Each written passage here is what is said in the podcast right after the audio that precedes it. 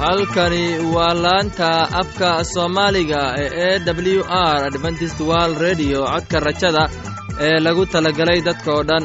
Anigoo ah maxamed waxaan idin leeyahay dhegaysi wacan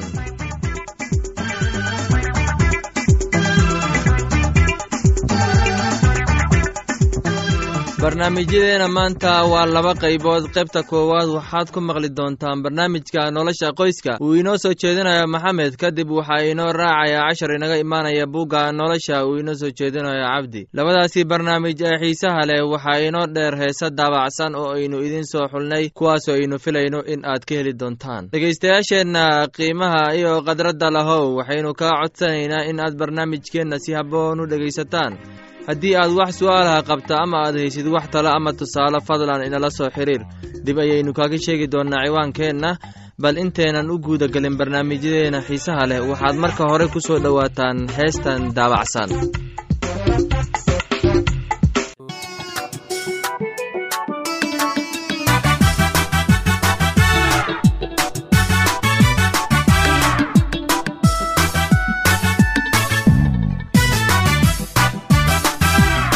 koomkaba adaan ku jecelaho kocashada cisriga walla kacaa ku faha adiga ikuniyo kow jeer naftani kugu kooban tahay kaftankaaga wey kalmaysataa kashanaad hantide adiga ikuniyo kow naftani kugu kooban tahay kaftankaaga wey kalmaysataa kashanaad hantide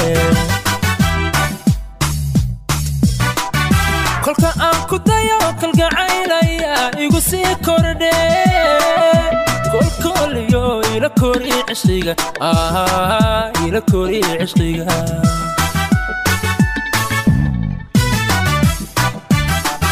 kolka aan ku dayo kalgacaylaya igu sii kordhe kolkooliyo ila kori cishqiga ila kori cishqiga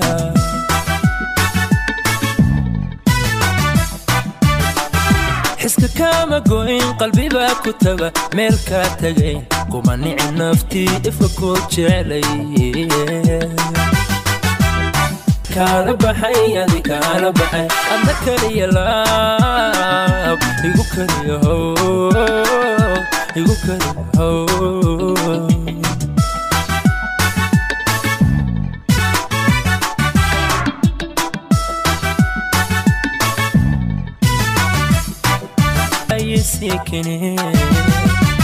keenada xubbiga kurka iisu dhee iga jabi kurbada kelmadaha macaan ee kaarka dhayaayis kax waxaan la'ahay cisqikeedsamo igulaba kacee maanaa kulaba kama armi kara kama armi kara.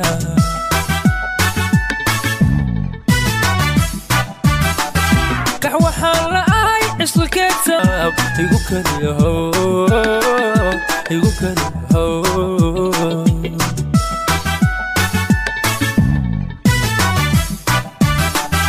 qalbikuay kaala baxay adi kaala baxay. Qalbikugu kalsoon baa kugu lamaan oo kugu lamaan. Kulligooda hablaha kacay kaala baxay adi kaala baxay. Adna kaliya laab igu kaliya how igu kaliya waa hagaag barnaamijka nolosha qoyska. Waa mid xiise badan. Waxaan rajaynayaa inaad ka faa'iidaysan doontaan barnaamijkan. Barnaamijkan wuxuu ka hadli doonaa yeelidda horumarka tuulada waxaana inoo soo jeedinaya maxamed ee dhegeysi wacan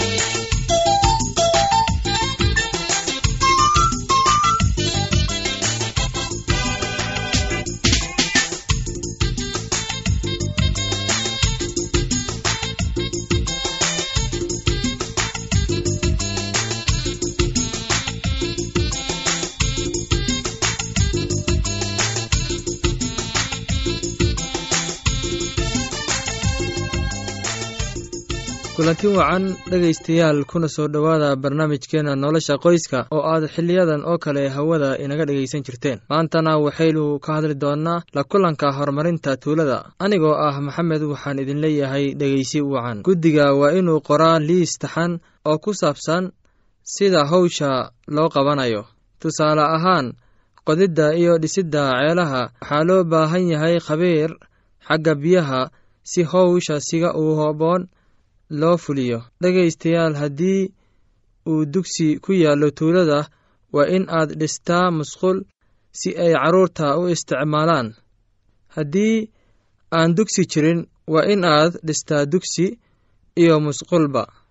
Waa inaad go'aamisid howsha la horumarinayo xagga mashruucidda beeraha ama mashruucaha beeraha dib u habaynta jidadka jira ama dhis kuwa cusub go'aami howsha ugu horreyn loo qaban lahay. Haddii uu jiro qof takhasus leh sida beeryaqaan weydii in uu tala siiyo guddiga. Go'aami qalabka shaqo ee loo baahan yahay.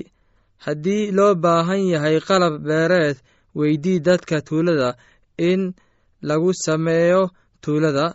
Haddii kale weydii in dibadda laga keeno kala sheekayso dadka tuulada howsha la qabanayo weydii madaxa tuulada in uu doorto dadkii howsha qaban lahaayeen. Dadka kala duwan ayaa dooran karaan howsha waayo qof weliba shaqo gaar ah ayuu yaqaanaa. Dhegaystayaal horumarinta tuulada waa cunsur u baahan in wadajir waxa lagu qabto. Soomaalidu waxay ku maamahaan wadajir ayay gacmo wax gooyaan. Mar weliba dadka tuuladu waa in ay wadajir ku shaqeeyaan. Dhegaystayaal waxaan idin leeyahay barnaamijkeenna maanta wuxuu ka hadlay horumarinta tuulada. Annagoo fiirinayna sidii dadka khibradda leh iyo kuwa kaleba ay ra'yi isu keen lahaayeen ama ay u kala bedelan lahaayeen. Mar weliba dadka waa in ay ku shaqeeyaan wadajir. Dhegaystayaal barnaamijkeenna maanta waa naga intaas. Anoo ah maxamed waxaan idin leeyahay sidaas iyo nabadgelyo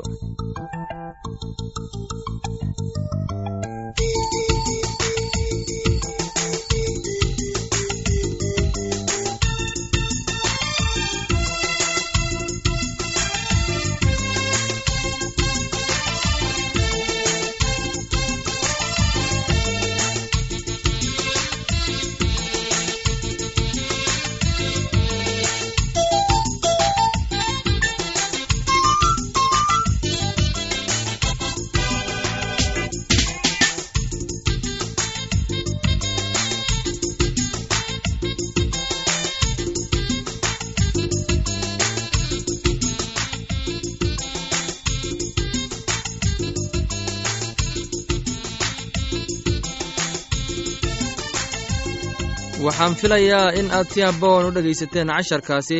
Haddaba haddii aad qabto wax su'aal ah oo ku saabsan barnaamijka nolosha qoyska fadlan inala soo xiriir. Ciwaankeenna waa codka rajada sanduuqa boostada afar laba laba lix todoba nairobi kenya. Mar labaad ciwaankeenna waa codka rajada sanduuqa boostada afar laba laba lix todoba nairobi kenya waxaa kaloo inagala soo xiriiri kartaan imeilka somali e w r at yahu dt com. Mar labaad imeilka waa somali e w r at yahu dt com. Haddana waxaad mar kale ku soo dhowaataan heestan daabacsan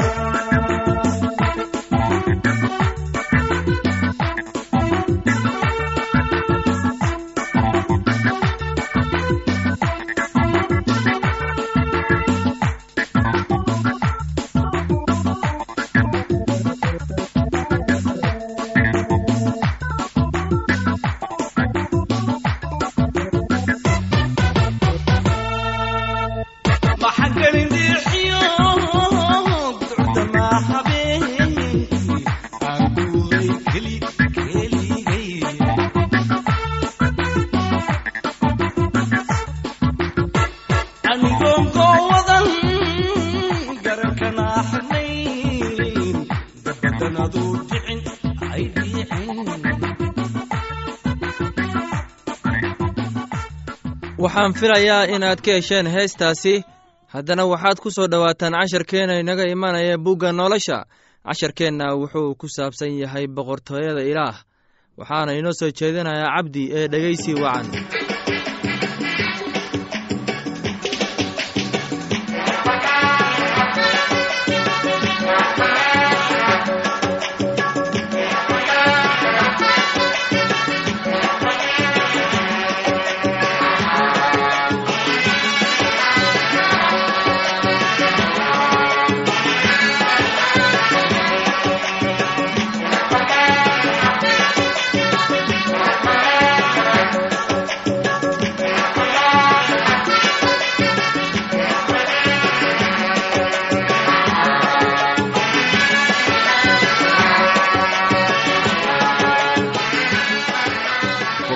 boqortooyada ilaah. Dhegaystayaal maanta waxaynu idiin soo gudbin doonnaa cashir ku saabsan kitaabka quduuska ah ama baybalka kaasoo aynu kaga hadli doonno boqortooyada ilaah. Waxaan filayaa in aad nala dhegaysan doontaan waxna aad ka fahmi doontaan hadduu eebbe idmo. Rabbigeenna ciise masiixi sida badan wuxuu isticmaalayey sheekooyin gaaggaaban oo tusaalooyin ah sheekooyin nolosha maalin kasta ah si uu ugu muujiyo sharaxaadda runta ah weligeed. Ciise waxa uu rabay in ay fahmaan xitaa dadka fahamka yar oo aanan saas wax u fahmin. Waxaynu akhrinaynaa mid ka mid ah wacdigiisii oo ku saabsanaa boqortooyada jannada oo ka kooban toddoba qiso. Ka akhri baybalkaaga ma akhrisay iyaga. Haddii aadan saas yeelin hadda akhri waxa aad ka ogaan doontaa xaqiiqooyinka soo socda ee ku saabsan boqortooyada jannada. Midda koowaad ma aha wax ka xidhan mustaqbalka oo keliya boqortooyada jannada. Waxa ay ka bilaabataa adduunka. Meel alla meel kasta uu boqorka xukumo. Labo waxaa jiro weerar joogto ah ee cadowgaaga ama cadowgeenna kaasoo ah shayddaanka saddex. Way kartaa si dhaqso ah bilowgaba. Afar waxaa jiro gocondho dhexdiisa waa geed qashin ah oo qodax leh. Ma lihid aragti inagu filan oo aynu ku kala soocno rumaysadka dhabta ah iyo labawajiilayaasha. Laakiin maalinta xisaabta ah waa la kala saari doonaa. Dhegaystayaal waxaa caddaan ah in boqortooyada jannadu ama sida kale loo yaqaanno boqortooyada ilaah ay ka giddisan tahay boqortooyada adduunka sida uu yidhi rabbigeenna ciise masiix. Boqortooyada ilaah dhowrid kuma imaynayso waayo bal eega boqortooyada ilaah waa idinku dhex jirtaa. Haddaba sideed ku ogaan kartaan dhegaystayaal rabbigeenna ciise masiixi marar ma aanu muujinin aawadiisa weyne uu boqortooyada ah. Wuxuu muujiyey aragti gebi ahaanba taasoo ah hoggaamin ruuxa ah.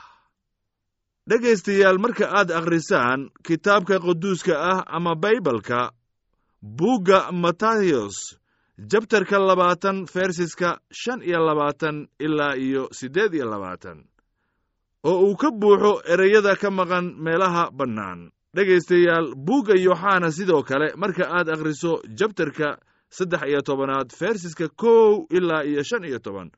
Waxaan ka akhrinaynaa sida uu inoo tusaaleeyey qodobkan ee aan la hilmaami karin ee ahayd mayridda cagaha xertiisa.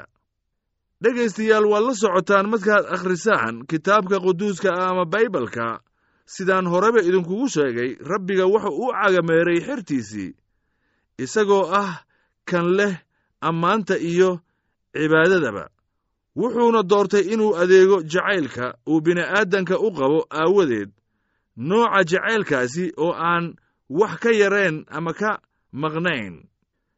Haddaba rabbigeenna ciise waxa uu ku caddeeyey amarkiisa iyo qiimaha runtiisa calaamooyin badan oo uu ina siiyey iyo dhammaystirkii waxyaalihii. Bal aynu ku dayanno in aan u ogaanno isaga si fiican ama aan u fahanno isaga si wanaagsan dhammaanba. Haddaba dhegaystayaal waxaa hadda aad inta badan ugu dambaysaa oo keliya natiijooyin weligeed ah adiguna ka mid ayaa tahay marka la tix raacayo muujinta ilaahay ee rabbigeenna ciise masiixi ka midka ah nebiyadii isdaba jooga ahaa oo keliya in kastoo uu nebi ahaa. Laakiin isagu waa boqorka boqortooyada iyo sayidka siidyada dhegaystayaal maalin maalmaha ka mid ah jilib kasta uu u sujuudi doono iyadoo taasi ay ka keentay jacaylka ama caloolxumada waxaan filayaa dhegaystayaal in aad fahanteen cashirkeenna. Sidaas iyo nabadgelyo waxayna inoo soo jeedinayey waa cabdi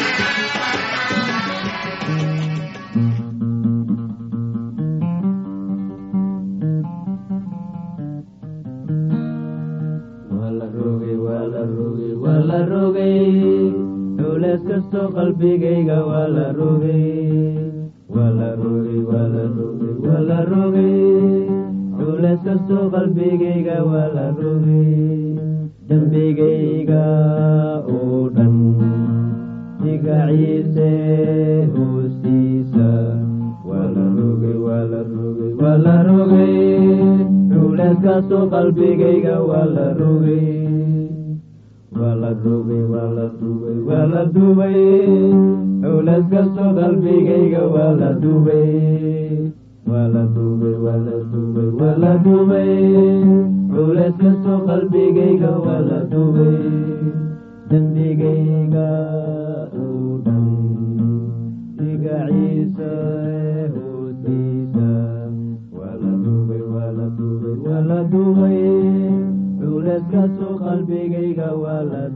laanta afka soomaaliga ee w r adventist world redio codka rajada. Waxay sii daysaa barnaamijyo kala duwan waxaana ka mid ah barnaamijka caafimaadka barnaamijka nolosha qoyska iyo barnaamij ku saabsan kitaabka quduuska oo ah baibolka iyo barnaamijyo aqoon koraarsi ah. Casharkaasi naga yimid bugga nolosha ayaynu ku soo gabgabaynaynaa barnaamijyadeena maanta halka aad inagala socoteen waa laanta afka soomaaliga ee codka rajada ee lagu talagalay dadkao dhan. Haddaba haddii aad doonayso in aad wax ka kororsato barnaamijka caafimaadka ama barnaamijka nolosha qoyska ama aad doonayso inaad wax ka barato bugga nolosha fadlan inala soo xiriir. Ciwaankeenna waa codka rajada sanduuqa boostada afar laba laba lix todoba nairobi kenya. Mar labaad ciwaankeenna waa codka rajada sanduuqa boostada afar laba laba lix todoba nairobi kenya. Waxaa kaloo inagala soo xiriiri kartaan emeilka somali e w r at yahu dt com. Mar labaad emeilka waa somali e w r at yahu dt com. Dhegaystayaasheenna qiimaha iyo khadradda lahow meel kasta aad joogtaan khaasatan kuwa ku sugan afrikada bari waxaan idin leeyahay habeen wanaagsan. Intaan mar kale hawada dib uu kulmayno anigoo ah maxamed waxaan idin leeyahay sidaas iyo nabadgeliyo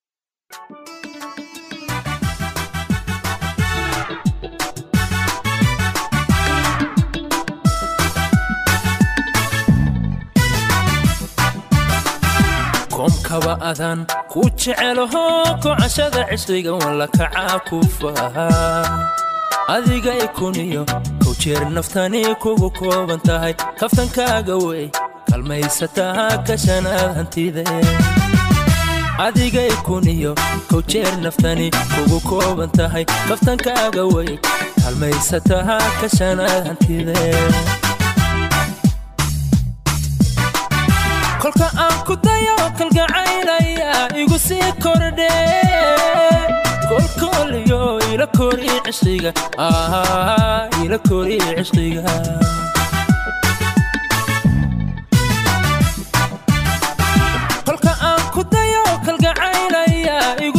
kordhe kolkooliyo ila kori cishqiga ila kori cishqiga igu kariyo igu kariyo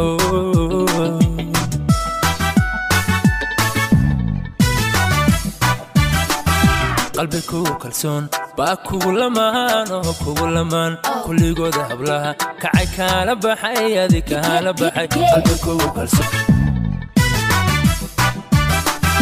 Koomkaba adaan ku jecelaho kocashada cisriga walla kacaa ku fahaa adiga ikuniyo kow jeer naftani kugu kooban tahay. Kaftankaaga wey kalmaysataa kashanaad hantide adiga ikuniyo kow jeer naftani kugu kooban tahay kaftankaaga wey kalmaysataa kashanaad hantide kolka aan ku dayo kalgacaylaya igu sii kor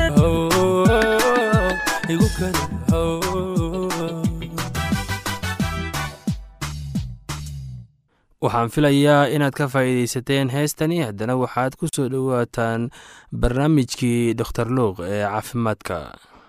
Wuxuu dor lucos ka leeyahay daaweynta cudurka sokorta. Waxaan ka aragnay hadalka ugu dambeeyey ee dor lucos ee ku saabsanay sokorowga inuu yahay cudur aad u adag oo ah dunida oo dhan. Marka qofka uu sokor qabo midka taqsu mid ka taqsuulayo ma ahan xadafku. Waa maya daaweynta laakiin xakamaynta dhibaatooyinka ka imaanay kara cudurka sokorta. Su'aasha ugu muhiimsan ayaa ah sidee ayaan u xakamayn karnaa dhibaatooyinka la xiriira sokorowga?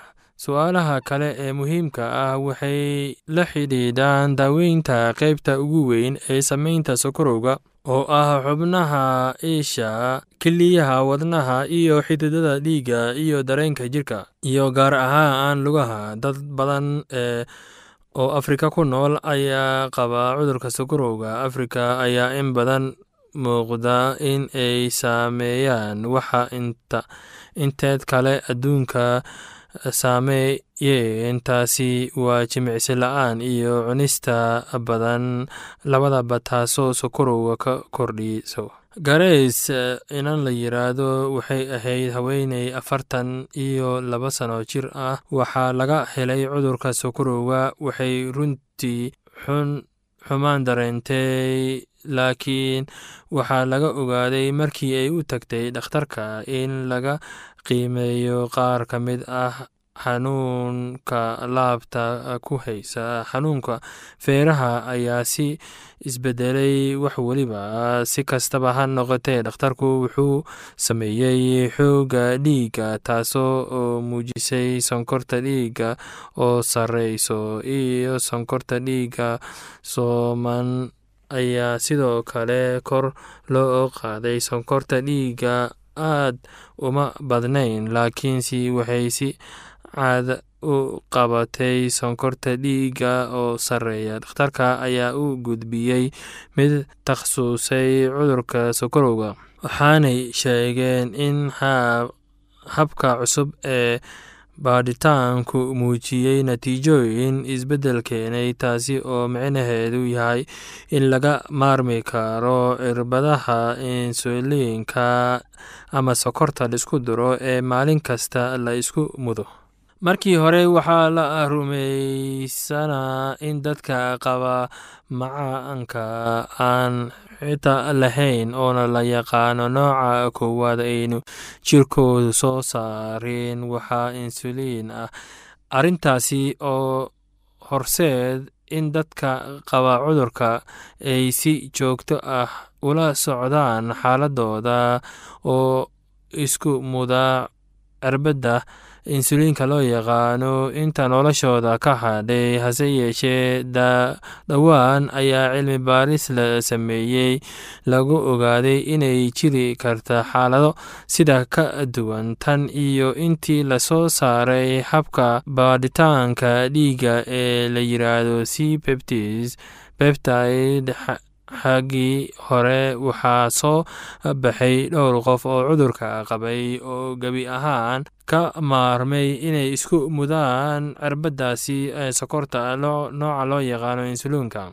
Halka kuwa kale ayaa dhakhtartu u jeediyey xanaan daaweyneed oo iyagu gaar ah. Sokorowgu waa cudur aad u weyn. Si kastaba ha noqotay sokorowgu ma ahan cudur halis ah sababta dhan ee cudurka adduunka waa dembi. Cutubka wuxuu leeyahay dhammaantood way dambaabeen oo way garteen ammaanta ilaah. Cutubka haddana wuxuu leeyahay kitaabka bilowgiisa oo ah buugga koowaad ee kitaabka wuxuu ka hadlayaa bilowga adduunka in markii nin dambaabay cudur iyo cuduro badan ay ku soo kordhaan. Dor luqos arrintiisii taasi ayay la mid ahayd oo dunida soo gaadhay. Tani waa muhiim. Maxaa yeelay waxay muujinaysaa in dembiga aan sokorow ahayn kan dhabta ah sababta cudurka iyo cudurka adduunka. Haddii ay sidaas tahay marka ka hortaga dembiga ayaa aad uga badan muhiimadda uu leeyahay wax qabashada sokorowga inkasta oo caawinta dadka qaba sokorowgu ay muhiim tahay si kastaba ha noqotee waa maxay natiijooyinka dembiga adduunka? Kitaabka wuxuu leeyahay mushaarka dembigu waa dhimashada laakiinse hadiyada ee rabbigu waa nolosha weligeeda ee ka timid xaggiisa micnaheedu maxay tahay? Midkeen kastaba wuxuu leeyahay mishaar ama dakhli markii aan shaqayno mishaarka ama dakhliga dembiga waa dhimashada qaar baa odhan kara taasi ma xuma si kastaba ha noqotee kitaabka wuxuu leeyahay natiijada ma ahan dhammaadka nolosha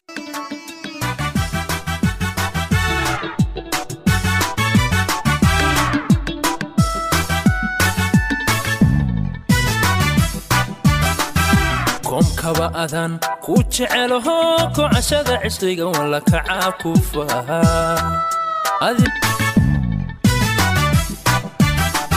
kolka aan ku dayo igu kadaho